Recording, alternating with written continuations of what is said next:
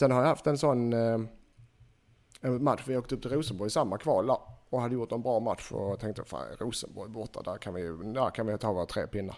Förlorade med 6-1. Chanslösa. Vi blev totalt utspelade. De spelade öppna landskap. Det stod 4-0. Efter 4-0 målet började de spela öppna landskap i högtalarna. Gjorde de det? Ja, ja, ja, de hånade oss fullständigt. Jag har aldrig blivit så utspelad i hela mitt liv. 6-1.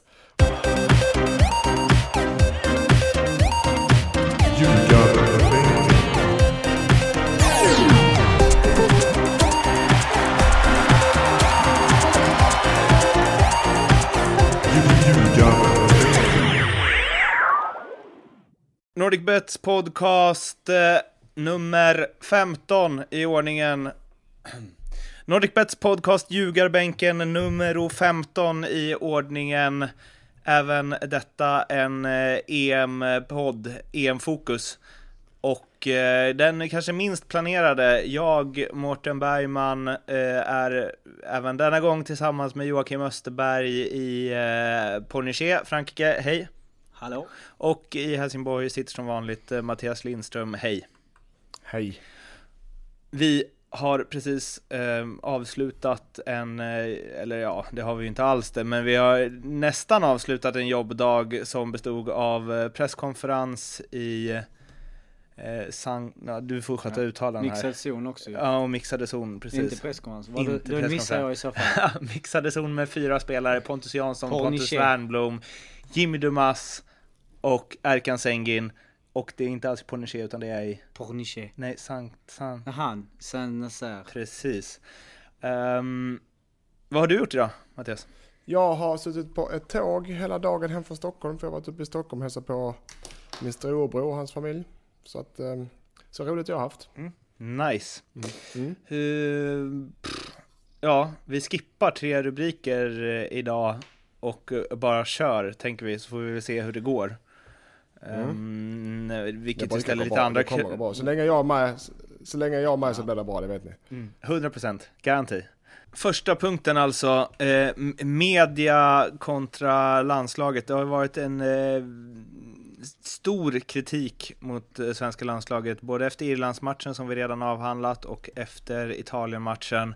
Stått en del om huruvida eh, spelarna vill att det liksom ska pushas på och skrivas mer positivt eh, och så vidare och så vidare och då har spelarna fått kritik för det också.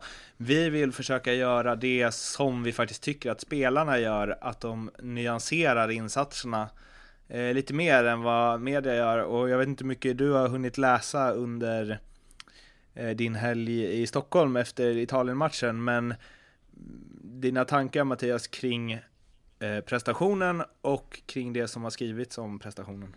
Nej, prestationen, det, det, det behöver inte hymla med. Det har ju inte varit, Sveriges prestation har ju varit dålig. Eh, det har den varit. Det var klart, de har mött Irland och, och, och spelat två matcher mot Italien som kommer gå långt i mästerskapet, Irland som de ska, och som de tog poäng mot. Eh, men det har ändå varit dåligt. Men däremot är jag inte på den sidan som 90% av Sveriges befolkning verkar vara och 100% av, 99% av journalisterna med totalsågning. För att eh, de har tagit ett, de har tagit ett poäng och de har fortfarande en chans att gå vidare i mästerskapet med en vinst. Så än så länge är det eh, för tidigt att ta fram motorsågen. Ja, visst. Men det som folk stirrar sig blinda på, och jag vet att eh, media stirrar sig blinda på, är ju nollan i antalet skott på mål. Det är den folk stirrar sig blind på. Första gången sedan 1980 som ett lag inte skjutit, ja, nu, jag tror att det var så, skjutit ett skott på mål under de två eh, inledande matcherna. Är det liksom, går det att komma ifrån att det är dåligt? Nej, nej, nej, nej det, är det, det går inte att komma ifrån. Jo, om de hade tagit eh, poäng mot Italien så kunde du kanske kommit ifrån lite, inte mycket. Men, men eh, eh, jag vill säga, eh, det är inte så katastrofalt dåligt. Eh, det finns många lag i världshistorien som har eh, haft noll skott mot Italien på mål. Det är bättre lag än Sverige.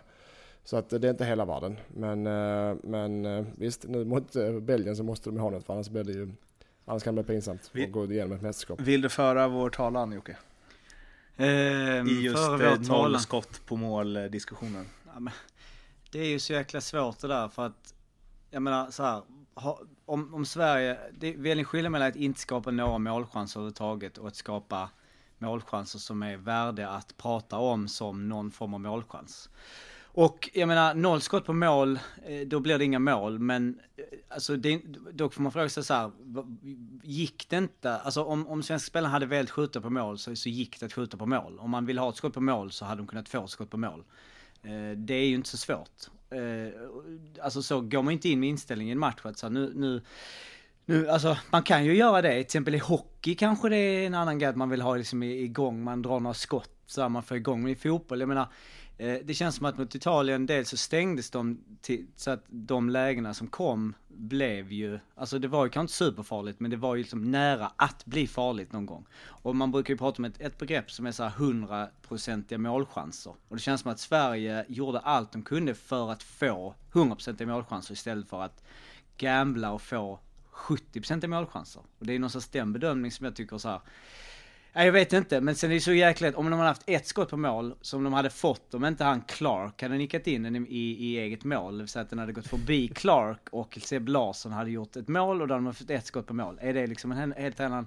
Men det blir ju sjukt lätt att bara ha den som såhär, noll skott på mål, noll skott på mål, noll skott på mål och sen så, då är ju allt annat irrelevant. Men det såg man ju mot Italien att såhär, vi hade ju några, alltså så, sen behöver man inte fokusera så mycket på dem heller men fan det har liksom, vi har tappat det lite i Sverige just Verkligen, men det är det som vi sagt, att det vore så himla skönt om John Guidetti mot Belgien drar avsparken en lyra mot deras målvakt. Ja, det hade varit Så bara, fuck you, ett skott på mål. Ja. Och näst, sen gör Belgien 1-0. Efter fem minuter, då får vi avspark igen. Lyra mot deras målvakt. Så, två mot mål. 2-0, Hazard efter 10, avspark igen tre skott på mål. Alltså, då hade de inte blivit alls sågade. Nej, då har, för då, ja, kan de, nej. Nej, nej, för då kan de här, då kan de stå där efter bara, ni har gnällt om att vi inte skjuter på mål på hela, nu har vi gjort det. Vi har fan, vi torskar 8-0, men vi har åtta skott på mål. Vi öste mm. åtta skott på då, mål. Då haft, det är ju då... idioti. Precis som att så här, om man ska hårdra det, vilket jag gjorde på en, med en Twitter-diskussion med Bengtsson på Offside idag, att Parolos nick för Italien i ribban, är ju urusel avslutning eftersom det inte är ett skott på mål. Eftersom ribbträffar inte räknas som skott på mål. Om man ska, och då sa han nu hårdrar du åt andra hållet. Ja, och då blir du upprörd här Bengtsson. Eller tycker åtminstone att det är fel av mig att hårdra det åt andra hållet. Men det som liksom hela media gör är ju att hårdra det här med noll skott på mål. Vad vill de? Vill vi byta med Albanien och Ukraina? Och nej, ha noll nej, poäng? Och noll gjorda mål? Men nej, det... sju skott på mål. Ja, nej, folk stirrar, som sagt, folk stirrar sig blind på, eh, och det, det, det som jag också säger, det handlar om att äh, skapa äh, målchanser. Och äh, 100% chanser, det behöver inte vara ett skott på mål, det kan vara att du kan ha en straff som du skjuter över. Inte en straff en 100% målchans, då har du fortfarande noll skott på mål. Så att man får inte stirra sig blind och så, ja det har varit dåligt men så jäkla dåligt har det inte varit. Irland, ett lika, en dålig halvlek, en bra halvlek. Eh, Italien, första halvlek är bra mot Italien, andra halvlek är italienarna starka för att de är ett bättre lag och det är väl inget konstigt med det eller? Så att det måste, folk måste lugna sig, det är inte realistiska målsättningar vi har på Sverige. Det får lugna sig lite. De har fortfarande chans att gå vidare i ett EM-slutspel. Lilla Sverige fortfarande. Så lugnt och fint för fasen. Ja, jag tycker det är jag vet inte, alltså följt det här från första minuten och med förväntningarna och kraven vi diskuterade innan Irland, vi diskuterade efter Irland, hur den insatsen var i relation till Irland, okej, okay, fram tillbaka. De var bra men vi var dåliga och insatsen hit och dit och sen mot Italien tycker jag, alltså det är ju, de spelade, de, de sjönk ner djupt och lät Sverige spela bollen. Så det var inte så att de tog över, alltså att Sverige liksom dominerade, att det var en helt otrolig första halvlek. Men man kan ändå inte, tycker jag, blunda för liksom någon slags, eh, ja men känslan på planen, attityden svenskarna hade, det som vi pratade om efter Irland, som alla kritiserade svenska spelet för, med att det inte var modigt, det var hela tiden i sidled, det hände ingenting, det var liksom, det tyckte jag var helt annorlunda mot Italien och de, sånt som Källström som, ja han slarvade lite och så, men det var ändå en väldigt skill stor skillnad på Källström. De mötte de ändå tre centrala mittfältare som stängde ytor och de kom till um, och jag vet inte, det blir ju sådär, så gör de det där sista målet och då, då finns det inget, alltså då bara släpps det löst. Då är det så här, bam! Alla är besvikna, det är skit, det är noll. Och, och, och jag vet inte, och när man lyssnar på spelarna, de står i intervjuerna nu, de, de jag vet inte, de är inte som inte arga på det för de förstår ju hela grejen. Men det är som att man kommer i ett jäkla vakuum där vi, vi känner så mycket för detta och vi vill, alla vill ju ändå i grunden, även om alltså journali eller journalistiken som vi gör, vi jobbar med och media, att det är liksom en objektiv bedömning. Men det, det, är ju inte det. För att man som journalist i Sverige så har man ju helt andra krav. Man har liksom rätt i vårt landslag. Vi borde inte vi, vad fan, eh, göra det bättre här, va grabbar? Så. Det är ju indirekt det man någonstans säger. Och eh, Ja, jag vet inte, det är, och det är också så här, skulle Sverige liksom slå Belgien, det är hela tiden de här hypoteserna och det, det är ju något sjukt svår match. Men det, det, är ju så små marginaler, det är så jäkla tråkigt att säga det, men det är ju så sjukt små marginaler hela tiden. Om, om Zlatan hade inte varit offside där och han hade eh, liksom lagt den i mål när det blev så här superchans med så offside, eller whatever.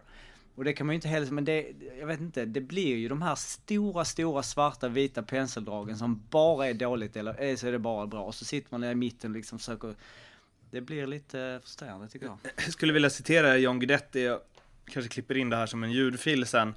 Det har varit tufft självklart. Ehm,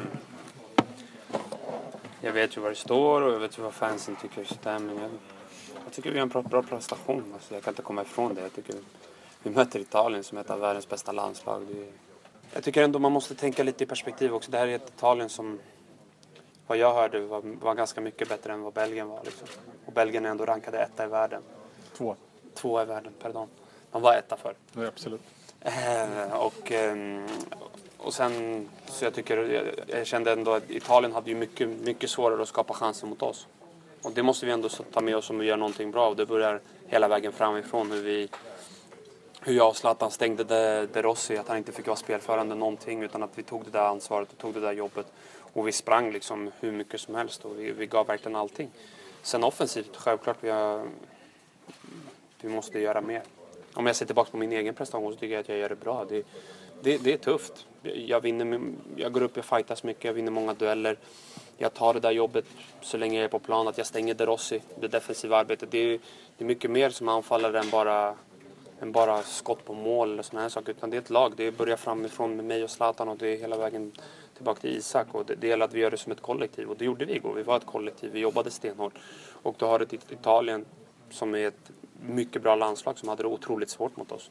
Man känner bara att alla ni som skriver ner det här laget, ni vet typ inte det här. Simon Bank möjligtvis.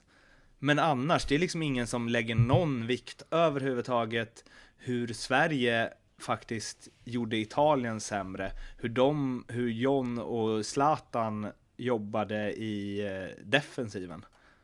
Ja, nej, nej men nu, alltså jag menar, det är det jag menar. Det, är, det har blivit häxjakt nu. Och, eh, Sverige tog ett steg framåt Italien utan tvekan. Det ser man. Det såg man. Nu gjorde de några små individuella misstag med målet just, men Sverige har tagit ett jättesteg framåt mot Italien. Det är inget, de som inte ser det är blinda.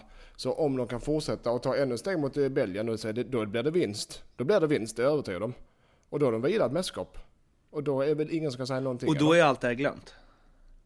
Ja, det kommer det alltså, då... Så snabbt så går det. Ja, men så snabbt går det. Det vet du Mårten. Så snabbt vänder man kappan efter vinden. Helt plötsligt så bara, oj, nu är Sverige vidare och får möta Island eh, och där går vi vidare. Helt plötsligt är vi i kvartsfinal. Vad fan och sen var vi Spanien så är plötsligt ja, 1-0 och sen vi drar med i semifinal. 100%. Det kan gå snabbt. 5, 6, 7, 8, 9 bra matcher. Sen så är det ja. liksom... Nej men jag menar ja, alltså en vinst. Med. Om Sverige fortsätter spela eh, bra eh, eller bättre så vinner de mot, eh, mot Belgien och, och kommer man då till en åttondel i ett, i ett mästerskap mot ett lag på samma nivå så kan precis vad som helst hända.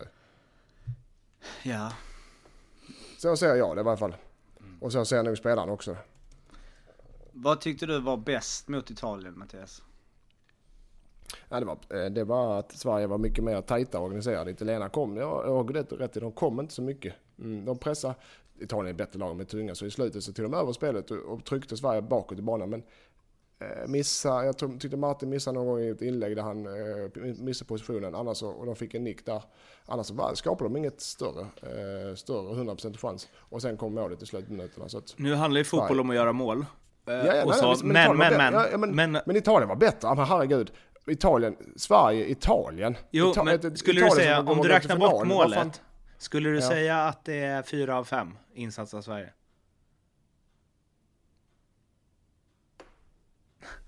Tänker du eller bröts det? det bröts. Det lät som att han skulle tänka svinlänge. Vi klipper det som att han tänker svinlänge. Om Sverige inte hade förlorat, om det hade stått 0-0, Granqvist hade inte halkat och Lewicki hade glidtacklat och allt vad det var. Mm. Vad hade du satt för betyg 0-0 mot Italien för Sverige? En fyra, en fyra. utav fem. Precis. Ja, solklart. Ja. Men, men, nu får de en tvåa. De får faktiskt inte mer. De, får, de förlorar matchen. Eh, jag håller inte... Två, Tycker du att de är värda en tvåa? Jag tycker de är värda en trea. Bra. Nej, två, nej en tvåa. Belgien förlorar med 2-0. Det spelar ingen roll. De förlorar, de får godkänt. Och tyvärr, det är godkänt. Vi är nog de enda i Sverige som har godkänt, är det inte det? Ja, jag tycker att de, att de får Men, Jag tycker att det här är en trea. De, spelar, de förlorar med 1-0 i slutminuten ja, mot ett av världens bästa landslag. Hade det varit en träningskamp hade de också fått en trea av mig. Men nu handlar det om att ta poäng i mästerskap så därför får de bara en tvåa. Sen måste jag också flika in lite att uh, det, är de ett av världens bästa landslag. Om man ska kasta med det uttrycket. alltså, de är ju ett av kanske tio bästa landslag. De är ju inte topp tre och sådär. Belgien är ju rankat tvåa men... Och Italien vann. Ja, men, jo, men det, jo jag vet men det är så här, som vi sa förra gången att, ja men du slog den den och den slog den och sådär. Eh, men som är lite talande är ju ändå vad supportrar tycker och det kan man ju ta med en nypa salt och men också se på vad det var. Det var ju på Aftonbladet så var det ju så, hur eh, bedömer du Sveriges insats? Och var det ju då, um, 20, vänta nu ska vi se här så jag inte fel, det var 30, nej 27 procent gav det en 1 plus. 1 plus. Eh, och sen 50% gav det 4 eller 3. Och 6% gav den femma. Eller eh, förlåt, eh, gav det, eh, jo en femma. Och då var det blev kvar 30% ungefär någonstans en tvåa. Så det säger ganska mycket till jag, alltså att etta och fyra, att det är liksom däremellan. Det är de två vanligaste betygen.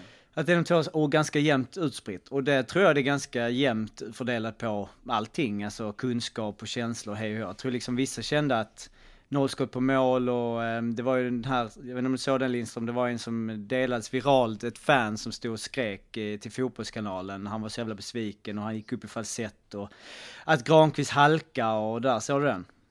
Ja, ja, jag har sett det. Och då, det aldrig är någon som, det har aldrig hänt att någon halkar i ett sånt läge. Och man bara, Steven men, Gerrard, John Terry. Ja, ja. Alltså, jo, han, jo, men, och, jag, nu, nu, hör jag här, nu hör jag, jag hör det. Ni, ni två sitter och hetsar upp varandra. Och jag är på er sida. Men alltså, en sån som han som pratade, han var ju ful, det får vi ta med Jo, jo, jo, men... Ingen som tar hans fotbollskunskaper Nej, nej men det är skit, ja men precis. Alltså det är inte det jag säger att liksom hans, så. Jag bara, eh, så, hur mycket den delade, så mycket den likade, så hur den fick ändå ett genomslag. Det, jag menar inte att alla håller med den, men det säger någonting om att um, det här med att alla som trycker en etta och att det finns ju någonting med att vi sköt inga skott på mål. Man tycker om att, alltså man vill kanske inte det ska gå dåligt. Men om vi nu bara väver in det i medias bevakning, i support de ser, det finns ju någonting i att typ inte vilja att det ska gå bra och där när man inte, eller man vill att det ska gå bra men när det väl går dåligt så väljer man att verkligen fokusera på att det är mycket sämre än vad det är och då gör det att sen analysen av det och hela skiten blir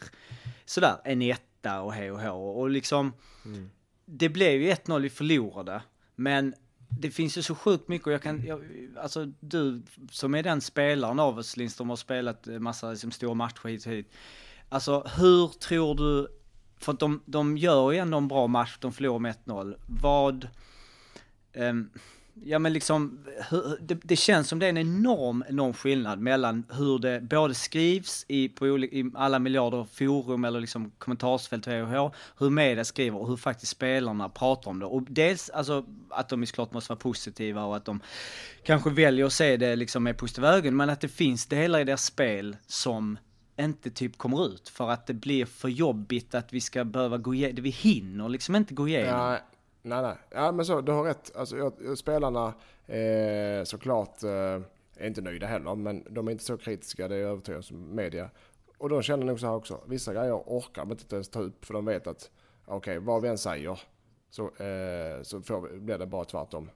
Så att eh, jag tror de håller inne på rätt mycket och bara okej, okay, vi låter dem kasta sten och så tar vi vår match här i slutet. Men har du känt när du stått i mixzone liksom eh, och du känner att liksom, ja men frågorna är med så ja ni, det här, ni har ju inte skjutit något skott på mål, ni har inte gjort så här, du kommer inte till något inlägg idag och du kommer aldrig förbi Nisse Johansson på backen där. Har du någon gång känt ja, det, att... Det, ju... ja, det, det, det, här är ju, det här är, det, här är ju hypotetiskt. Det är väldigt orimligt. Men Eh, har du då känt ibland att du bara, fan vad jag hade velat här, säga vad instruktionerna var, hur jag skötte Mm. mitt jobb precis som, som Henke sa åt mig att göra, hur jag Mm. gjorde det här. Har du, har du liksom aldrig känt att du bara hade velat så här, ranta loss om det? Jo, många gånger. Många gånger. Och, men- Varför gör man gång- inte det? För att man vet att rubrikerna Nej, kommer vara Här första så- rasar Lindström mot media. Ja, för först, eh, om du som spelare och går ut och, det är alltid känsligt, för det här tillhör jobbet. Om du som spelare går ut där efter en förlust, oftast är det då, och börjar så försvara dig själv gentemot pressen. Ja, men jag gjorde det och jag gjorde det bra och vi gjorde det bra. Då blir det lätt löjligt. Precis som man klarar planen och domaren och sådana grejer. Och då, då struntar man i det istället. Eh, man, eh, man tar sin smäll helt enkelt och eh, står med huvudet högt. Okej, jag kanske inte var så bra idag men eh, jag gjorde mitt bästa ungefär så. Istället för att gå in på, ja, jag gjorde precis som jag skulle och det var de andra som var dåliga ungefär. men, men eh, Nej men Nej, du behöver, men man, man- behöver inte det- säga det att finns lite så- motstånd, eller man behöver inte säga att de andra i laget är dåliga. Nej, men det som vet, hela tiden försvinner i den här diskussionen tycker jag, och som ju John är så himla tydlig med att påverka här, att det finns ju en motståndare som var väldigt, väldigt bra. Alltså Mm. Ja, det det som när, inte- det var någon idag kan som inte- frågade så här, när Sverige har mött topprankade nationer genom åren i matcher som gäller någonting, så har Sverige aldrig vunnit. Vad beror det på? Och då svarade Andreas Granqvist, för att de lagen är väldigt, väldigt bra. det var det också den dummaste. Det var klart, det är för att de är bättre. Jag har, alltså, vad fan, om, om, om du tar ett kval, det räcker med en sån liten skillnad, om du tar ett kval upp till Allsvenskan eller kval upp till Superettan, division 2 eller division 3, vad fan som helst. Så jag menar, det, jag tror det finns en procent, men jag menar, 60-70% av gångerna så är det lagen som kommer uppifrån som, vi- eh, som klarar sig kvar. Det är sällan det är lag som klar, eh, uppåt, så då- för de är sämre helt enkelt. Vilka var det som kvalade förra året? Det var Gävle mot... Det här borde man ju kunna som ett rinnande vatten. Ja. Ja, Åtvidaberg. eh, Nej. Falkenberg kval, Falkenberg kvalade också mot Sirius va? då var det Falkenberg-Sirius som Eller kvalade. nu Ja. inför. Och när Falkenberg kvalade mot Sirius och Sirius inte grejade det, jag har ju svårt att se att det var många UNT, Uppsala Nya Tidning, reportrar som stod vid Sirius-spelarna och bara Varför klarade ni inte att slå ut Falkenberg?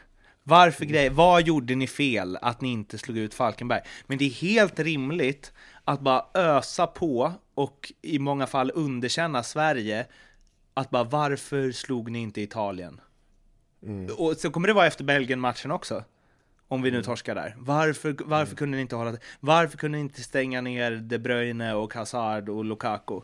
Därför att de är några av världens bästa spelare och några av världens bästa backar har problem varje vecka i Premier League och stoppa dem. Ja, det kan vara så enkelt ibland. Nu tror jag faktiskt Sverige har en bra chans. Men, men eh, ja, det, det är så enkelt ibland att motståndaren är bättre. Och man inte kvittar vad man gör. Man gör sitt bästa men det är inte tillräckligt bra. Så är det. Annars hade ju alla matcher, alla matcher, alla lag kan ju inte vinna alla matcher. Hela tiden. Då hade fotboll varit världens tråkigaste sport. Eller världens roligaste. Men vann båda. Men, men vann, båda vann. Men vann VM? Alla vann. Det var inte Vem gick till VM? Alla.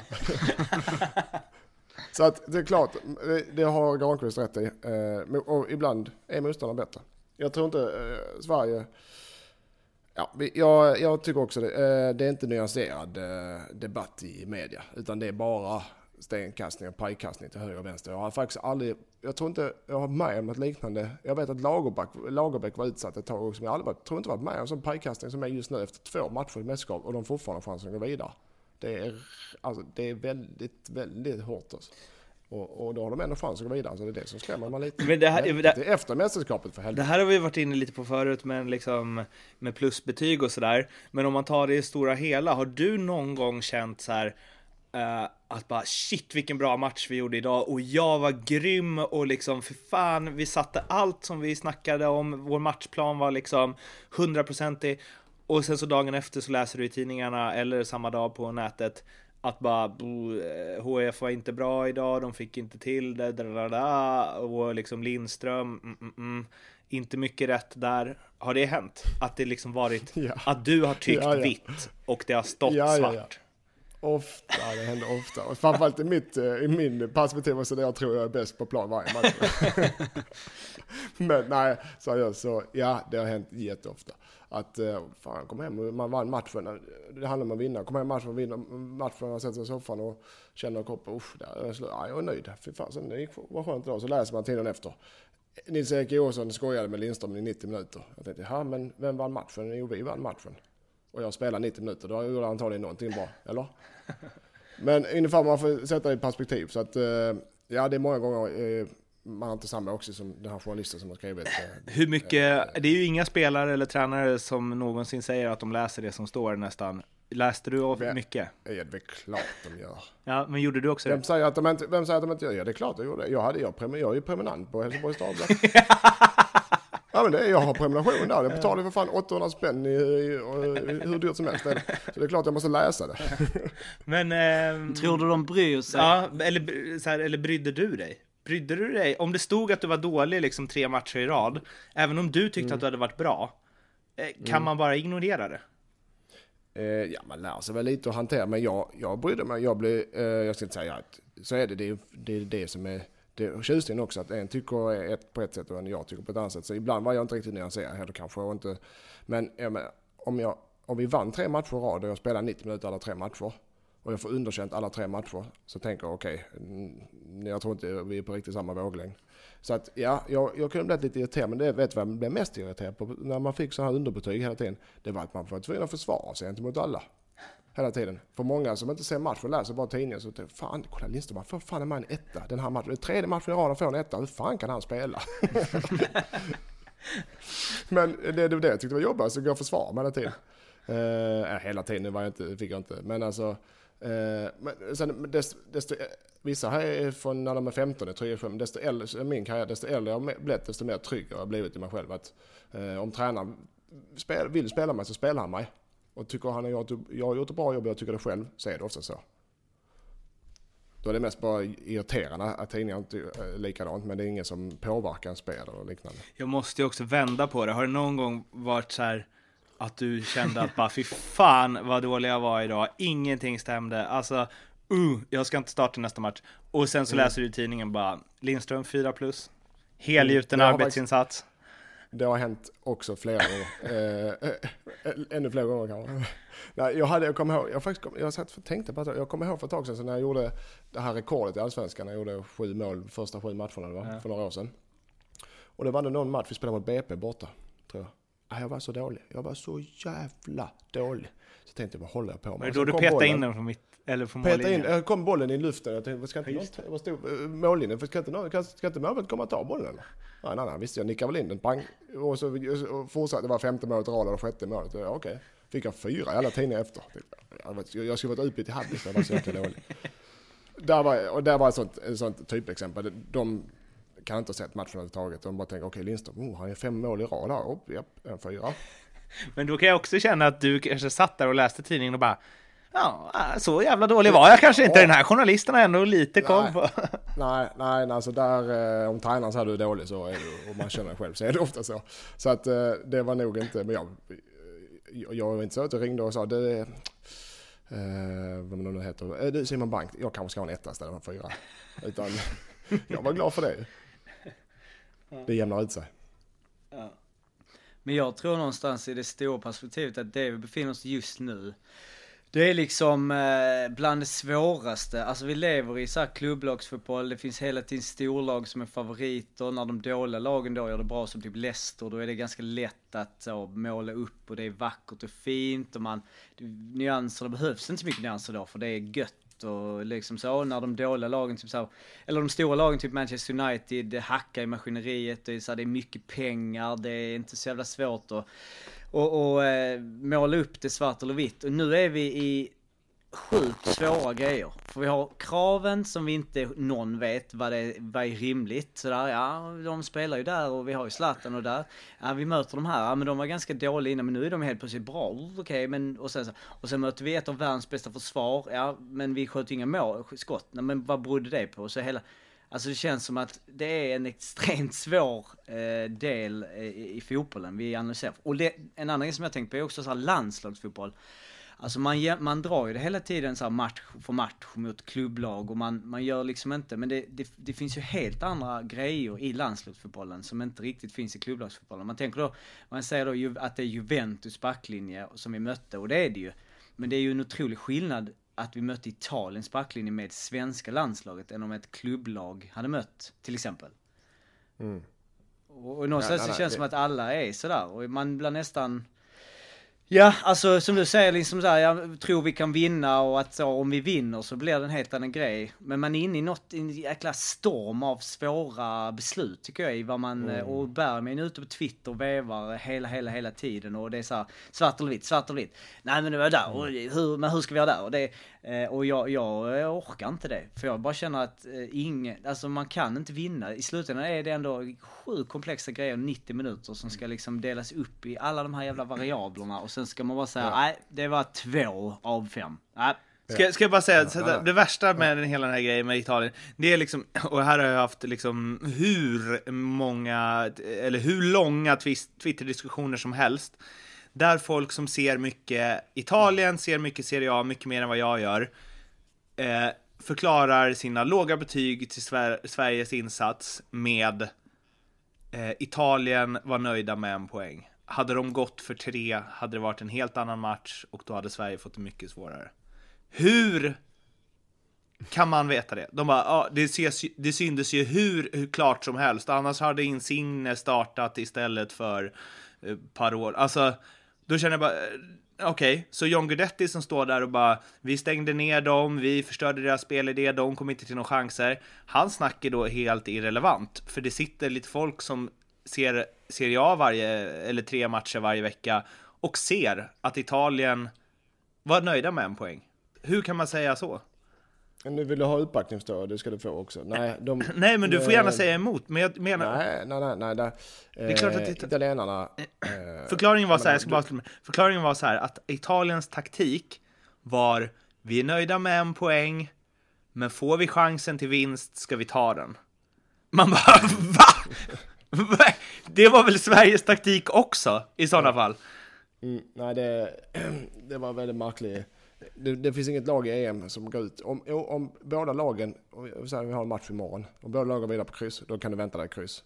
Men inte när, ett, när man behöver vinster som Sverige behövde. Eh, Då går Italien också för vinsten om det öppnar sig och det gjorde de också. Så att jag menar, den, en, en sånt argument håller inte. Inte i en andra, inte en grupp, nummer, gruppspelsmatch nummer två i ett mästerskap så håller aldrig det. Eh, det var det jag ville. Men då vill jag, eh, den enda, eller en av få kritiker som jag tycker är, den är trots allt befogad. Eh, hur man än vänder och vrider på det och hur mycket då Zlatan supporter jag och många är där ute så är det ju kanske någonstans det, det är liksom tyvärr inom situationstecken kombinerat att Zlatan har burit det här landslaget så många gånger. Vi väntar oss att han ska kliva fram och göra det där extra. Vi väntar oss att han ska liksom skjuta skotten på mål. Vi väntar oss att han ska göra det mesta. Och när han då inte gör det, så tyvärr är det ju någonstans så att, alltså inte att hela, äh, hela laget faller, så var det ju inte, men det är ju det som är det sjuka, att om Zlatan hade gjort en supermatch, så hade ju Sverige gjort en supermatch mot Italien. Eller det fanns ju alla förutsättningar för att det skulle vara en fantastisk match för Sverige. Om vi bara vår världsstjärna hade liksom, ja, det räcker att han vinner en duell mot Chiellini, vänder sig om och smäller den i, i sidan. Det kommer ner liksom till en, ett skott från Zlatan. Så gör det att vi gjorde en perfekt fotbollsmatch. Det var liksom, ja det var det bästa matchen av alla lag. Spela Det är ut. Vi stängde ner Italien hela matchen och sen så tog vi chansen när vi fick den. Fem, fem av fem. Det är ju, det- ja, jag är så ja. trött på att vara journalist alltså, så jag vet inte Ja, vad det jag ska förstår- ta det- vägen. Ja, det förstår jag. Ja, vilken liksom deppig, ja, vi har liksom en eh, deppig podd nu eller? Ja, nej, nu sitter- går vi vidare. Nu Nu ska vi vi snacka om... Jag ska bara sätta i en laddare ett ögonblick pojkar.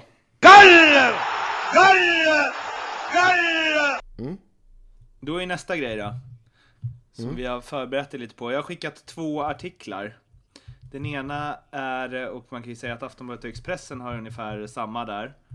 Eh, I ett snack med Pontus Wernbloom. Och den andra har, eh, nu har de ändrat rubriken, de fegisarna. Men det skiter jag i, för jag, tänker, jag har printscreenat grundrubriken och det är den jag tänker köra på. Då har Expressen alltså vi står och intervjuar Pontus Wernbloom i Mixzone. Så får han en fråga av Andreas Sundberg tror jag på Fotbollskanalen som säger så här. mot eh, Italien när de gör sitt mål. Lewicki springer bakom och jagar honom. Ja. Svårt läge om man ska klippa eller inte. Vad hade du gjort? Varpå vi nu klipper in Pontus Wernbloom. Det är så jävla enkelt. Det nu tar jag eran roll och säger vad man ska göra, men det är klart att säga efteråt, ja, han borde ju ha tagit en frispark för då hade det inte blivit mål på den chansen kanske de hade fått in. Men det händer snabbt där ute, det går ju på mikrosekunder alltså. Man får göra ett val och ibland är det bra, ibland är det dåligt samtidigt. Han hade lika väl kunnat missa och så hade de gjort mål på frisparken om han hade klippt honom liksom. Så det, det, är svårt att säga men eh, jag tycker att vi kom lite på efterkälken allihopa liksom. Så det var, det var synd, det var surt men eh, det tar kraft att försvara som vi gör i 90 minuter. Det är riktigt påfrestande och, och, och sådär. Och tyvärr så utnyttjar de det i slutet. Eh, om man ska skriva det här så måste man ju verkligen få med hur Wernbloom säger det, vad han säger, att han så här låtsas vara media i sitt svar, som han påpekar innan. Expressens rubrik är Wernbloom skulle tagit en frispark där. Och jag tror bladet hade någonting i stil med, eh, kan kolla om den ligger kvar, men det var väl något med så här kritiken, Wernbloms kritik mot lagkamraten eller något. Han skulle, han skulle tagit en frispark där. Ish. Jag ska se om jag hittar den. Um, de har väl också tagit bort den antar jag. Wernblom borde ha tagit en frispark, kör de på. Um, Medan när vi skrev den artikeln så hade vi rubriken eh, Wernblom försvarar Lewicki. Det går på några mikrosekunder. Och Hallå? anledningen att man, eller liksom, man går igång på det här. Det är ju dels för att eh, Dels för att det varit så mycket gnäll att landslaget, eller så här, att det vinklas på att landslaget att spelarna tycker att det är för mycket negativt i media och media blir så himla stötta och bara oh vadå, ni ska inte bestämma vad vi ska skriva. Nej, det ska de ju absolut inte göra. Men ni måste ju skriva det som sägs. Ni kan liksom inte skriva en mening som den här då, till exempel. Att det är så här. Eh, ja, men det är klart att så här efteråt, ja, han borde tagit en frispark för då hade det inte blivit mål på den chansen. Där klipper de när han egentligen fortsätter. Men det händer snabbt där ute. Du kan ju inte klippa bort det som kommer efter männet. Ja, och, nej, det, och det, jag säga, och, det jag menar, det är häxjakt. Men också, och att det det resulterar i, det är så här, nej, media har ingen uppgift att spara någon posit- eller skapa någon positiv stämning eller håsa upp inför Belgien eller så. Men då möts man liksom på Twitter av Expressens och Aftonbladets artiklar så Brian eh, Askerud, en eh, snubbe som jag följer som ganska vettig, skriver han så här. Värnblom har rätt i sin sågning av Lewicki som lät Eder löpa. Värnblom hade mosat Eder och inte heller varit sämre i största allmänhet. Och då skickade jag vår artikel till honom och bara, mm. här, är, här har du Värnbloms fulla citat. Och då svarar han, oj, stor skillnad, helt klart. Mm. Och det är så här, då blir det liksom... Jag tror inte att Wernbloom och Lewicki har något emot varandra, för jag tror Lewicki vet precis hur media funkar och att Wernbloom inte sa sådär. Men att mm. man gör den grejen och sen har mage och liksom stå och bara ni ska inte komma och säga att vi ska vara mer positiva eller bla bla bla. Mm. Det, är det lite inbördeskrig bland media? Nej, det är alla och sen är jag och Jocke. ja. Men vi, vi, vi säger bara det här i den här podden och på vårt hotellrum när ingen hör. ja. Nej, men sådana här, ja precis, det är ingen som hör, det är bara vi tre som lyssnar på den här podden. Då. Men, men, men en sån där grej som att ändra sig och gå eh, lite bakom ryggen, det, det straffar sig. Jag menar, Barmlund eh, och Lewicki eller någon i landslaget får säkert reda på det här och läser det här, det är svårt att undvika. Och kommer att berätta det och då blir det väl då blir det kanske så här istället, okej, okay, men då pratar jag inte med nästa gång. Då pratar jag bara med Mårten. Men det kan ju inte bli, det kan ju inte bli det som blir av det här. De kan ju aldrig gå ut och säga bara fuck you, vad dåligt det här var. Utan det, för då blir det så här, om de bara, ah, nej men alltså ni vinklar som ni gör och ni gör så här, varför ska jag bjussa på er? Då kommer det vara så här, Värnbloms Exakt. krig mot media. Ja, då och då så. blir han men, den osköna. Och sen klipper man ja, i de blir... citaten också. Och sen så blir alla fans ja. här, shit vad Pontus har blivit oskön på äldre dagar. Han kan ja, ju aldrig vinna den här striden. Nej det, blir, nej, det kan man inte på media. Det kan man inte. Jo, ja, det, det är därför nej, du har konverterat till andra sidan. ja, ja, ja, precis. Jag får skit för att spela. Men, uh, nej, den är tuff att vinna. Uh, och, och, det är därför aldrig någon spelar, det är väldigt sällan någon spelar ger sig in i krig mot media. Och de som gör det, de gör det med tystnads... Uh, och vara tysta istället. Så att det är, det är krig man väldigt, väldigt sällan vinner. Det finns en person som hade kunnat vinna, det är möjligtvis Zlatan i Sverige. Alla andra är chanslösa egentligen. Så att jag, det blev väl mer så, okej okay, nu vet jag vad ni går för nu blir jag kort och koncist. Det är så förbundskaptenerna blir. Det är så säkert Janne kommer bli också efter ett tag. Janne är frispråkig och härlig. Han kommer säkert krypa in sin skal efter ett tag för han vet, okej, okay, ge mig någon lillfinger så tar de med handen. Så är det tyvärr. Och då är Sverige nog väldigt förskonat om man jämför med England och liknande. Det är hans jävla nät alltså. Det kommer ta hundra år att klippa. Fan. Fan, du försvann. Är du kvar Mårten? Galler! Galler! Ja, och då är Sverige ändå förskonat eh, om man jämför med England och vissa andra länder. Jo, men hur har det slutat där? Det, Sverige är ju de som har flest spelare i mixed zone, längst tid att prata med spelarna och också flest presskonferenser tror jag under hela EM av alla lag. Ja, nej, och, och, och det, kom, det, det kommer ju försvinna. Ja, såklart det kommer. Så det, och det, om, det, om det missbrukas så försvinner det. Och jag tror även eh, en sån här grej, så, så, så negativ som media har varit under det här EMet. Så fort EM är slut så kommer det en reaktion från landslaget. Det garanterar jag. Och spelare också. Jag garanterar det, det kommer. Så att de håller låg profil under EM och eh, hur den går. Och sen kommer de reagera efter det. Så att eh, det här är, det här, det är inte över. Men det, jag det lovar jag. jag, jag eller, eller jag kan inte lova. 100 procent. Jag, jag, 100 procent det kommer reaktion från någon av spelarna, ledningen eller någonting om det fortsätter så. Men det jag tycker är så synd som då eh, jobbar som journalist och fotbollsälskare och haft denna liksom eh, denna problematiken med mig under alla år och man läser och man följer fotboll och man eh, reflekterar över eh, hela den här världen som man ändå är Det är ju ändå en värld där matcher, det är en sak och sen så är det som allt runt omkring är en slags värld med olika spelregler där journalister har en roll, spelare har en roll. Eh, och det är ju liksom supportrarna i slutändan som, som hela tiden är de som finns där, som vill läsa, som vill se, som vill, och, och när man börjar hårdra sådana grejer så om man går för mycket över på andra sidan och tycker liksom att, um, men att med är skit och att uh, liksom man ska bara, man ska bara dra medhårs och så vidare. Det, det handlar det inte om. Eh, och då kan, eller, och då kan ett argument vara att eh, det är ju supporterna som vill eh, lyssna. Det är supporterna att när till exempel, som den som jag nämner eh, ofta som jag ehm, som är symbolen för detta tycker jag Zlatan under alla, alla år, 15 år, som var den här eh, otroligt öppna personen eh, när han var ung och bjöd liksom hur mycket på sig själv som möjligt ju. Och var ju, det är ju också därför som han har blivit eh, så stor i Sverige för han var en personlighet som bjöd på sig själv och så vidare. Och sakta men säkert så har han ju liksom stängt den dörren och den är ju helt stängd. Och han han är ju inte så eh, fantastiskt skön mot journalister. Han gör ju inga och sådär.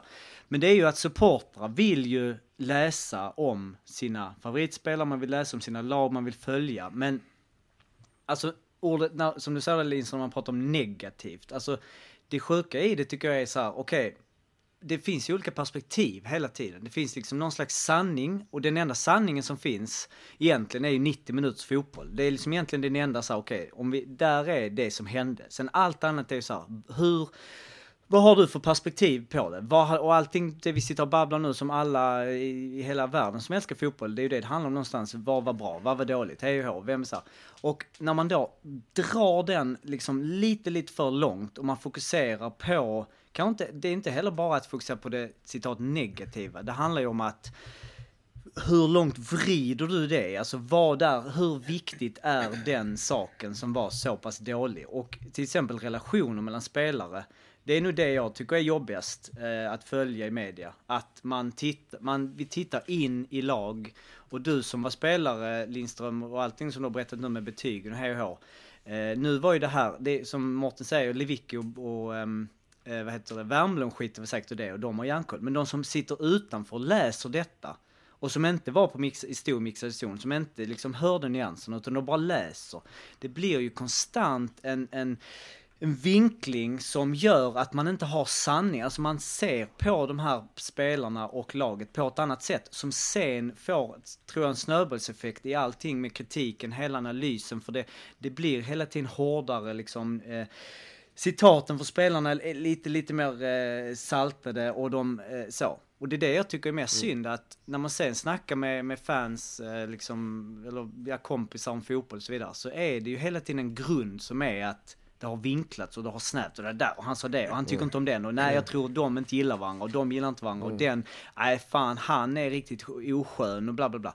Och, och det, jag vet inte, jag tycker det är rätt jobbigt ibland. Mm.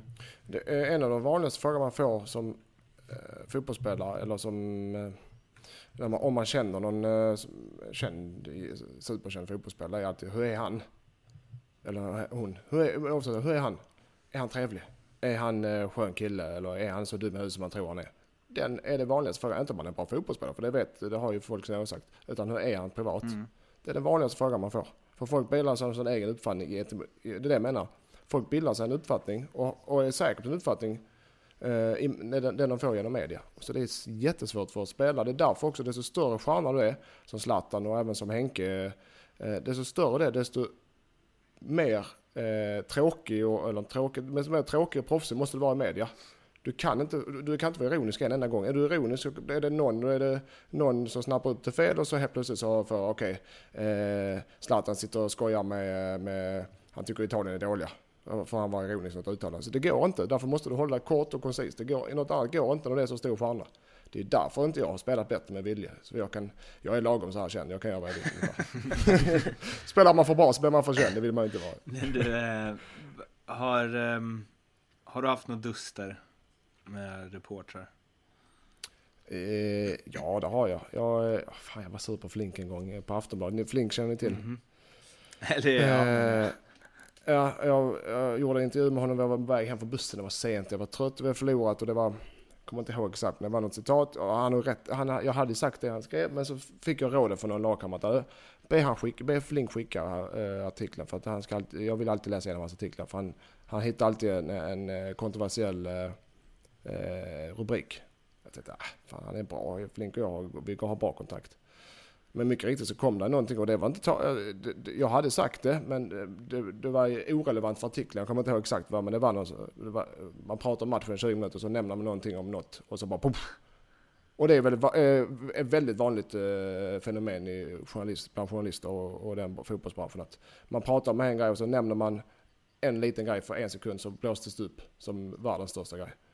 Och så är det, de, vill, de behöver, de, det sitter ju, de vill sälja nummer men det är bara att det är synd att det blir på fel fokus på fel grejer. Men har du varit med om att det stått saker som du inte sagt då?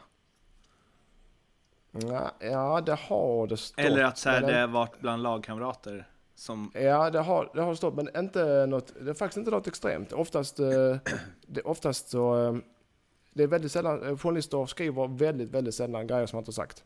Mm. De är jag, de, den erfarenhet jag har, för det vågar de inte. Jag vet- och det kan de jag inte tror var Daniel- Då, då, hamnar, då hamnar de i trubbel Jag alltså. tror det var Daniel Majstorovic som berättade någon gång att eh, han, eh, under tiden som han spelade i AIK Aten, så läste han typ en intervju i veckan med sig själv som han inte hade gjort.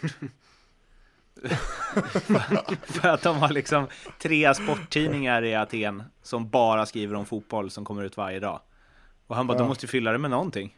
Och de hade liksom inga så här tillgång till spelarna förutom efter match. Ja, okej. ja, men det, ja, och jag har inte varit med om det klimatet i Sverige. Men Mattias, tycker, Men det stämmer säkert, det stämmer säkert. tycker du att, för det, det det kommer ner till är väl så här, man kan ju sitta och raljera nu över att saker är, är fel hit, fel dit och vi är ju då journalister och man får ju också vara lite ödmjuk i att eh, Eh, ja men det är också så här att vinklar ibland i media, alltså det, det skapar ju också en hype och eh, ehm, det finns ju ofta positiva konsekvenser med det. Alltså såklart, för det är ju den här världen. Hade vi inte haft den överhuvudtaget hade det inte funnits någonting. Men det som det kommer ner till ofta är ju liksom Ja men det som till exempel man bara kan lätt kan säga och nu sitter vi och liksom som att det är synd om Pontus Wernbloom för det är sådär. Det är ju så här, ja men vad fan, de tjänar massa miljoner, det är en del av jobbet. Det, det är liksom Mm, bara ja, det är så det. Och det, ja men, och, men hur långt, eh, alltså va, hur långt kan man dra det och var tycker du att gränserna eh, ska dras i det att ehm, jag menar om man, och, och hur långt ner i till exempel i seriesystemet och liksom hur, alltså för, för om det är världsstjärnor och det är Cristiano Ronaldo och sådana grejer och de är mång, alltså hur många miljoner som helst och men, men var, var, var, var ska man dra gränserna för vad, att, att ett fel, ja men så här, det, så bara, ja men det här var väl fel egentligen om man tyckte mm. det. Ja men det spelar ingen som helst jävla roll för han tjänar så mycket pengar. Jaha, Ja, ja det, det är också ett vanligt eh, fenomen bland eh, supportrar. han eh, kan man egentligen spotta på om han går på gatan för han tjänar så mycket pengar och, och, har, och är bäst i världen i fotboll. Men han är, fortfarande, han är fortfarande människa. Jag, jag, så här, att vara fotbollsproffs kan nog, det är säkert en av världens bästa jobb. Eller det är det. Så att det, det är inte synd om honom. Men det, jag tycker gränsen går helt och hållet när du lämnar eh, när du lämnar fotbolls... När du är kändis, för då, blir det privatlivet också. Men när du går till personangrepp, eh, när du borde skriva om fotbollsmatcher istället. Sorry om jag kommer tillbaka till det här, men liksom i omklädningsrummet på träningar Mm. dagen efter match eller så, snackar, snackar spelare om vad som stod i tidningen och liksom så här, hur fan kan de skriva så här och de har ingen koll och bla bla bla. Ja, det händer. Inte så att man sitter inte i omklädningsrummet allihopa 22 man och snackar högt och kollar här eh, eh, i den tidningen där och. Utan det är väl kanske mest om man springer värmer upp eller om man tar en lunch. Och ja, ja, det såg du. eh, han, då kanske man diskuterar lite artiklar och liknande. Men inte annars. Det är ganska, det är, det är ganska så här personligt. Det är, man- det är inget man pratar så jäkla högt om. Är det... eh, ja men eh, återigen, jag frågade det förut. Det kanske inte har hänt dig, men har det hänt någon lagkamrat eller så? Att det liksom stått någonting som den har blivit rasande på? Ja, det, jo då, det är oftast eh, eh, många gånger eh, man spelar även, men även tränare och le- ledning ringt upp journalister och sagt eh, det här måste du ta bort och det här måste du rätta. För det har jag inte sagt och det får du inte skriva eller det här kan skada klubben mer än det gynnar och sådana här grejer. Och ibland fungerar det, ibland fungerar det inte. Eh, Det är oftast beror på vilken tidning det är. Och, och ibland, för ibland är det så, en, en fel artikel om det är något, om man, har, om man är ett aktiebolag, om, om klubben är aktiebolag, kommer ut att spelarförsäljning, eller någon spelarköp är på gång innan, innan det är officiellt. Det, så, sådana grejer kan ju jätteskada ju. Det, det, ibland är det känsligt alltså. Fan vad vi babblar på också. Nu har det varit en del, ehm, en del pauser på grund av dålig täckning. Men eh, jag vet inte, vi får väl ta det fort helt enkelt. Men ja, Belgien. Vad förväntar vi oss? Ja, Belgien, det är ju ganska... Jag tror alla är överens om att Belgien är individuellt fruktansvärt skickliga. Det, det vet ju alla om vilka spelare de har. Jag, varje gång jag kollar på Belgiens laguppställning så blir jag lika överraskad. Jag, Fy fasen alltså. Men eh, de är, kollektivet är inte så starkt. Och de har haft, de är, ja, de är rankade som etta eller tvåa i världen men rankingen är lite träningsmatcher, det är lite änga gäng hit och dit. Så att den, den köper jag inte till 100%. Men de är ett bra lag, det är inte tvekan om det. Men jag tror däremot Sverige har goda chanser. Eh, framförallt deras eh, backlinje, deras försvar, eller inte bara back, deras försvarsspel är lite svängigt. De har inte den eh, kulturen som eh, vi har i Skandinavien med att försvara oss innan vi anfaller. Utan där är det lite mer Eller anfall Italien. först och försvar sen. Eller Italien, ja. Italienarna är klass att säga. För där är det lite mer, i Belgien är det lite mer anfall först, försvar sen. Eh, och det kan ju Sverige utnyttja för att för Sveriges del så är det bara, där finns inget att tänka på utan det är full fart för minut ett. Eh, man kan gå in med en approach också, okej det står 0-0 gubbar så gör vi, knoppar vi in ett 90 Men eftersom det, Sveriges två andra matcher har varit som de har varit så kommer Sverige köra full gas för minut ett. Det är jag övertygad Det finns ingenting annat på kartan än att de är in och gasa direkt. Är inte Belgien att, eh, som bäst när motståndarna gasar då? Jo, det är de också, men eh, om, om du slå- låter Belgien föra för mycket så kan de bli eh, rätt överlägsna också. Så att jag, jag, det, kan, det kanske hade varit första matchen eh, mot Belgien och Sverige så hade det varit, men nu är det så att Sverige måste vinna och de måste, komma, de måste tygga sig in i matchen direkt för att blir Sverige passiva så blir det, då blir det lite ängsligt. Och, så jag tycker bara Sverige, jag tycker det, Sverige ska gasa från minut ett. Allt eller inget ska det vara. För om det går skiter sig, för Belgien är bättre, så har i varje fall Sverige visat eh, oss här hemma och journalistkåren då att okej, vi gjorde vårt bästa, vi är inte bättre än men nu jäklar gav vi i alla fall allt vi hade. Och det är det, det, är det jag tror det är det folk efterlyser, okej. Varenda närkamp, eh, ta avsluten, in med bollen i boxen, kötta, kämpa. Det gjorde Sverige också men så det syns mer genom tv-rutan, det är det folk vill Vet du vad jag tror att det kommer stå om Sverige gör så och torskar? Då tror jag det kommer stå att Sverige var naivt, att Hamrén inte kan försvarsspel och hela men det- den biten. Det, ja, ja okej. Men det, då får det Men vi har ju ett jättebra exempel på det. Det var ju Holland borta där 1-4. Det var, och där hela Shining-grejen kom upp. Det var ju exakt det. Eh, Och eh, det känns ju som att det är Hamrens... Eh, för det känns som en jäkligt svår match taktiskt ändå. Alltså när du säger att gå in och ös. Eh, vad är det egentligen? Alltså om man tänker då, vilk, hade du gjort några byten mot eh, Italien-matchen? Nej, det hade jag inte. Jag spelar exakt samma lag. Men sen är det också... Även Larsson? Om vi nu ska... Ja. ja. Ja, jag har tagit, För jag har Jimmy tagit in, Durmaz eh, är ju Seng- mer- Sengis eller Durmaz istället. För Larsson? Har jag gjort. Ja. Men sen är det också, alltså, det, ja, jag hade gått in och öst på. Jag har spelat sådana matcher med, jag har haft Hamrén i sådana här matcher. Vi mötte Sampdoria borta, vi mötte Tottenham borta i, ett par gånger i Euroleague när vi hade Hamrén och då var det, då var det mycket in och gasa. Jag kan säga vi mötte Sampdoria borta med, eh, med Kazan och de här jäkla lirarna. Åker ner till eh, Genoa tror jag det var det, var. det var. Två lika. Det var High Chaparral så in i det small åt alla håll och kanter. Vi spelade två lika ner, Spelade 0-0 och vann på det. Vi mötte Tottenham borta på White Hart Lane med Bale och det var Lennon, det var Robbie Keane och det var Barbatov och det var alla jäklar där. I halvlek så ledde vi med 2-0 och 2-1. De vann med 3-2 till slut men det var också High Chaparral åt alla håll. Det var bara in och kör. Och det- Spelade du de här att det- matcherna? Jag spelade dem. Ah, shit. Mårten du känner inte till min karriär, borde du det. Nej, alltså, Jag har spelat mer Euroleague-matcher än du någonsin kan räkna till. men var det, eh, var Bale på vänsterkanten när du var på höger? Ja, ja, jag mötte, jag mötte honom. Oj, hur gick det i liksom löpdueller och sånt? Ja, vi var överlägsna. Första 20 minuterna så ledde vi med 2-0. Vi var, ja, det är sant. Vi var fullständigt överlägsna. Sen så eh, köttade de in sig lite i matchen och vann rätt turligt med 3-2 faktiskt.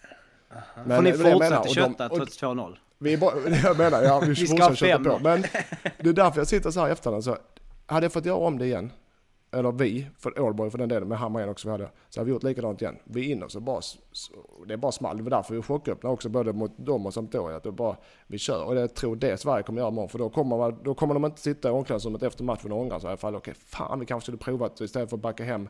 Kanske skulle kört för minut ett. Vem, Jag tror det är den inställningen de måste ha. Så ja, det kan bära frukt, det, men det kan också... Det, eller det, kan, det kan bli 0-0 och det kan bli 0 och så ett mål igen. Om de inte gör det, men det kan också bli full fart från början. Kan Sverige vinna med 3-2 mot uh, Belgien imorgon, eller eh, på eh, onsdag.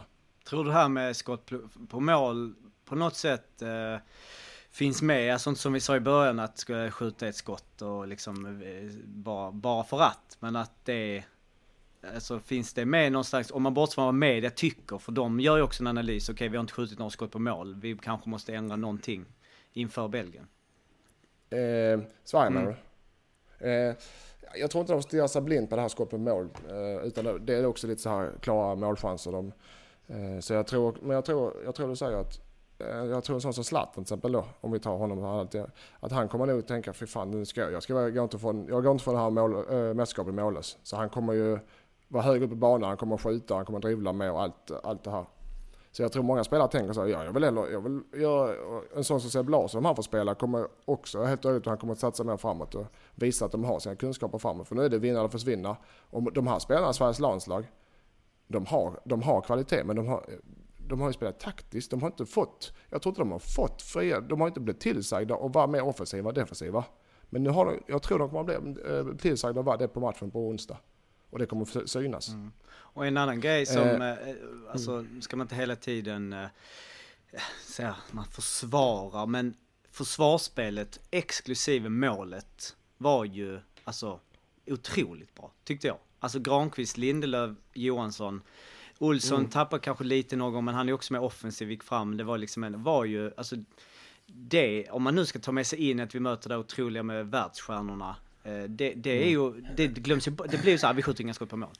Det, det är väl ingen som pratar om att, eh, det måste ju vara en otrolig trygghet ändå att gå in i den här matchen jämfört med där hade, om det hade smält så in i mot Italien och vi hade liksom haft lite som vi haft genom åren med, under det här, med det här landslaget och mittbackar in och vi har bytt och det har varit lite problematiskt där. Att det faktiskt var, det var så många anfall tyckte jag som verkligen var sådär perfekt avvägda. Granqvist gick fram, tryckte i ryggen, vann en nickduell, låg bakom, Isaksson bra snack, fick bollen, rulla ut. Alltså det var ju säkert fem, sex anfall som bara blöpp, det hände inget. Då var det ändå ganska bra anfallare.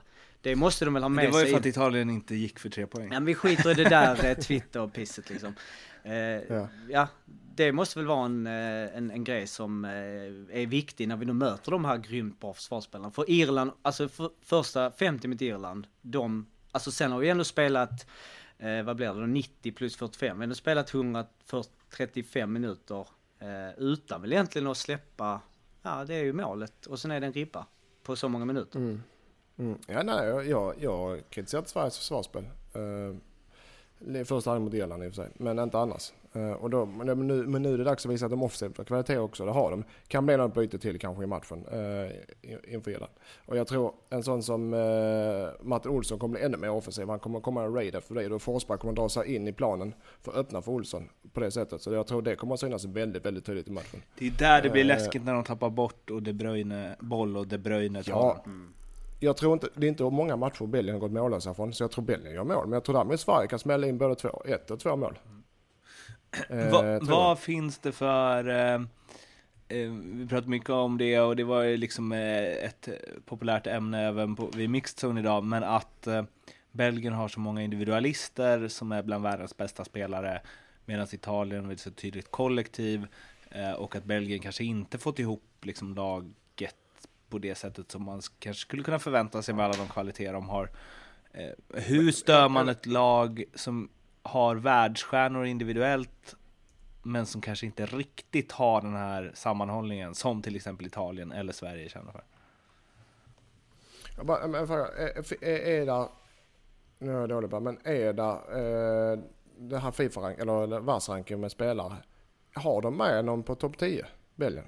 Alltså Hazard var ju det förra året i alla fall, men han hade ju en dålig säsong det här året. Så han De ju Bruyne hade ju en bra De säsong. Bruyne, Ja, ja, jag vet det. Bara spelar är de med på, är de med på rankingen? du menar Överhuvudtaget? alltså de Ballon topp 10? d'Or, eh, alltså där, ut, eh, alltså världens Ja, precis. De, är, de som, de, det, det Hazard inte. var ju typ eh, femma förra, men och på den allra senaste nu i vintras så är väl ingen av dem med- på topp 10. Eh, det- Även om kanske De Nej. Bruynes vår Eh, gör att han är med på topp 10 om man skulle rösta.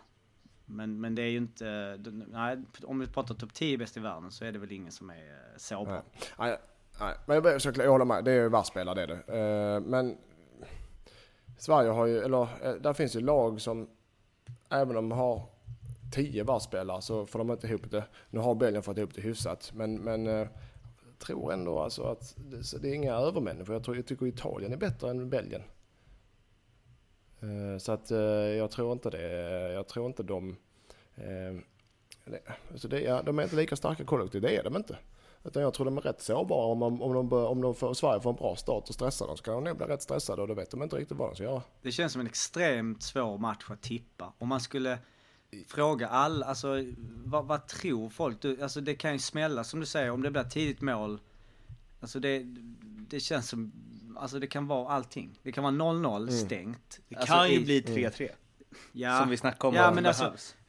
Och, det är också så att tyvärr, skulle Belgien ta ledningen tidigt så blir det ju inga, då är det ju inte så lätt alltså. Att vända till 2 och då kommer de ösa på. Nej. Då kan det ju sluta 0-3 och sånt. Men det kan ju också, Ja, ja. Det- Ja, men- det, ja det är det menar. vad, kommer du ha det på bet, eh, har du bettingtips på eh, Sverigebet? Det kommer. Ja, det kommer. Det kommer. Ja. Det kommer. Men jag menar det jag menar. Belgien är bra. Framförallt i medgång så kan det flyta på. De kan ju vinna matcher. De, de kan vinna mot Sverige med 3-0 Belgien. Det kan de.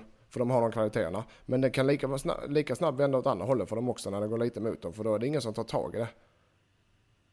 Så då kan de förlora. De, ja, 3-0. Men jag menar. De, de är inte så starkt kollektiv. De, kan, eh, de, de är bra i medgång men de är också sämre. Mycket sämre i motgång än många andra lag. Vi, Så det är det, är det Sverige ska gnaga på. Vilken match som du har spelat är, alltså ni slog liksom ut Inter till exempel med Helsingborg, men då var ju som du berättade förra avsnittet, då var ju ändå Inter överlägset och skapade massa chanser. Mm. Men har du mött något lag när de liksom på pappret är mycket bättre ner och sen när ni väl har spelat så har ni liksom fått dem i balans eller att de börjar gnälla på varandra eller så, så att de faktiskt inte ens har gjort en bättre match liksom.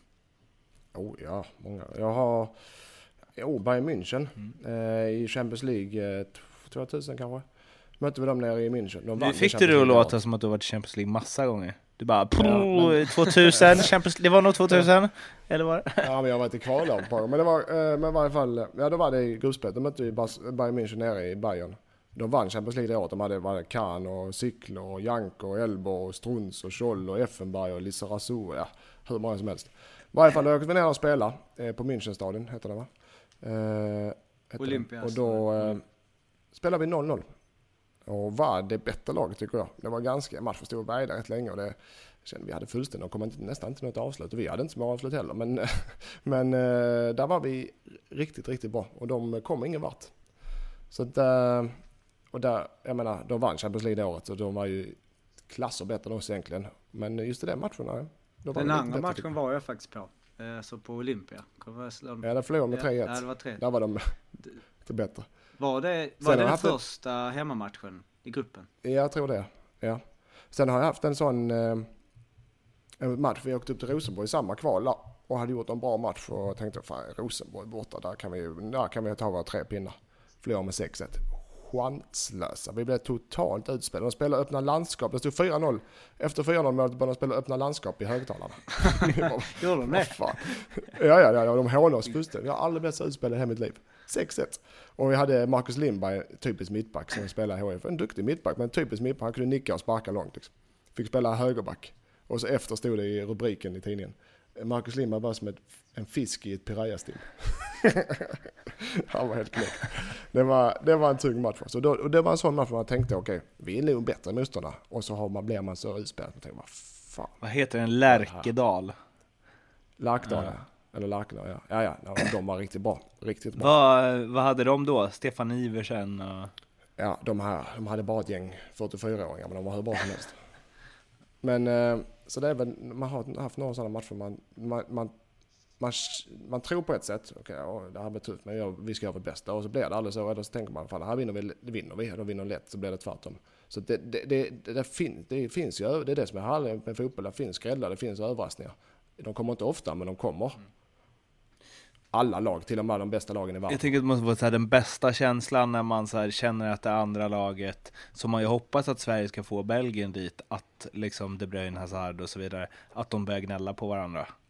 Och slå ut med armarna och att det liksom blir fokus på det. Mm. Du kan ju tänka dig Oliver Kahn och Trapattoni var tränare. De stod och skrek på varandra så man tänkte de kommer att bryta matchen. Castellanco stod där uppe på topp och rökade liksom. Jag tänkte, ja. Så att de, de var ur balans. Men sen förstod jag efter att de gör, det är ganska normalt för dem att stå och skrika. Ja, riktigt grova grejer. Har ni sett den här eh, Ja, presskonferensen med Trapattoni? Ja, den är så rolig. Så. För, eh, men det där, och det är väl lite hela av, nu kommer vi från ämnet lite, men hela så här Bayern Münchens eh, DNA. Jag vet Oskar Lewicki när han kom tillbaka till Häcken så gjorde jag en intervju med honom då han berättade att så här hur liksom Ribéry brukade sitta och kasta vindruvor på folk i matsalen. eh, och så var det någon som kastade tillbaks vindruvan en gång. Och då bara tar han så här sin gaffel och knivarna och bara langar allt vad han har på den spelaren. Eh, Ribéry, han verkar vara riktigt... Ja, det är några chips där som inte riktigt hittat in i påsen. Men liksom eh, att, att det är någonting i så här Bayern München, att de vill ha hets. Att de vill ha dålig stämning. Att, de, att det är det som ska driva framåt. Och det har de ju pratat om utåt också. Liksom. Att vi kan ta de här spelarna som andra klubbar inte kanske vågar ta tag i ibland.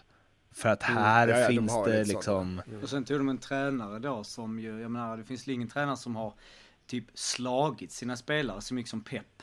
Som är ju helt, eh, som någon slags obehaglig officer som står, eh, alltså om du har sett dem Lindström när han typ såhär ger eh, eh, Thiago, han eh, liksom en lavett mitt på träningen och eh, han eh, Kim, eh, Kimmich heter han, Kimrich. Han stod bara eh, som en riktig galning. Hade du uppskattat den, eh, det har vi sett, det, det tog vi i förra podden så behöver vi inte gå igenom där. Du ville ha en blandning mellan eh, Haredes eh, örondragande och eh, lite mer lugn. Har du blivit slagen av en tränare någon gång? Nej, det har jag aldrig bett och hoppas jag Har aldrig du blivit slagen av en spel medspelare någon gång? I... Har du slagit en medspelare? Ja, det tror ja, jag. tror inte jag vet inte om jag har slagit, eller har jag blivit slagen? Jag har vevat ett par gånger, om det blev vevad mot ett par gånger också. Det är, rätt, det är inte ovanligt. Alltså. Men, eh, missat, eller vadå? Ja, men alltså lite så här, folk har kommit emellan och puttat. Jag har inte nog aldrig, aldrig jag kan inte slåss. Fan. Eh, jag kan inte, kommer jag slagsmål så förlorar jag eh, hundra gånger. 100 Eh, procent. så att 100 också, inte 10 av 10, 100 av 100. Så att eh, jag har aldrig varit i slagsmål på det sättet. Men jag har däremot eh, puttat till många och fått bli puttad också. Men eh, ja, så det är inte så jäkla ovanligt faktiskt. Jag har haft eh, tränare som har gått eh, i slagsmål med spelare under träning. Berätta. Berätta. Ja, det var i Österrike såklart, men även i eh, ja, Baxter, Baxter och Lee och pappa Baxter, de var på varandra ett tag. Jag så bara, jävlar alltså. Usch. Men de var ju vänner sen, det var ju familj. Det var ju familj. Fade. Fade. Men eh, nej, det är inte ovanligt. Ja, Eh, du, speltips. ja eh, jag koncentrerar mig på Sverige. Eh, eftersom det jag tycker det är roligast och mest spännande. Hello! A little surprise for you, my friends.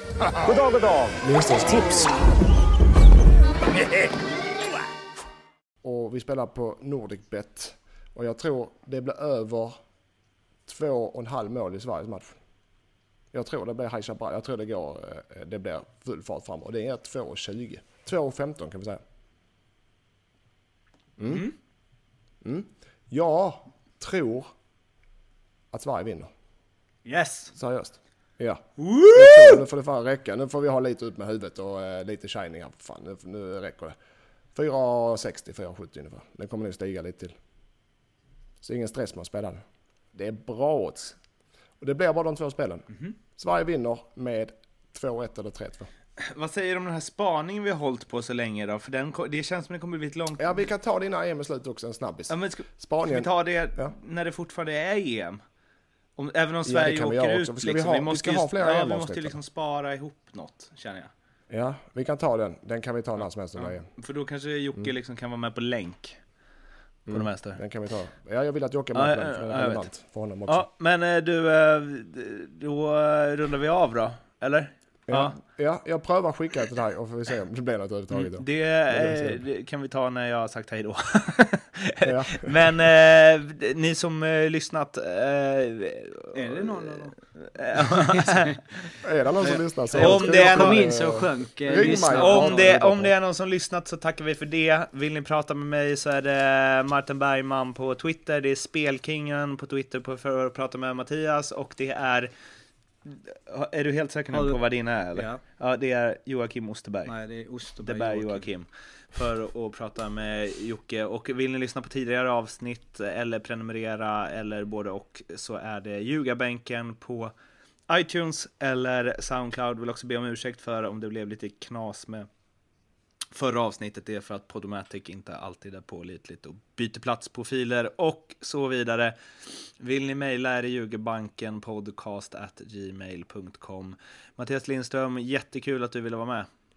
Ja, ja, jättekul att jag fick vara Mm. med. Jag gillar det. Och Joakim Österberg, jättekul att du ville vara med. Tack så hemskt mycket och eh, till lyssnarna, vi känner man att eh, den här duon som eh, fungerade så väl, det här väloljade maskineriet var mycket bättre än det här spretiga inslaget de är och man gärna höra av sig och uttrycka att bort med dig och så vill vi ha bara de andra två nästa gång. Och jag, Mårten Bergman, tackar också för mig. Ha det fint så hörs vi efter att Sverige slagit Belgien och snackar upp den stundande åttondelsfinalen. Ha det bra tills dess. Ciao! Tjena! Aj.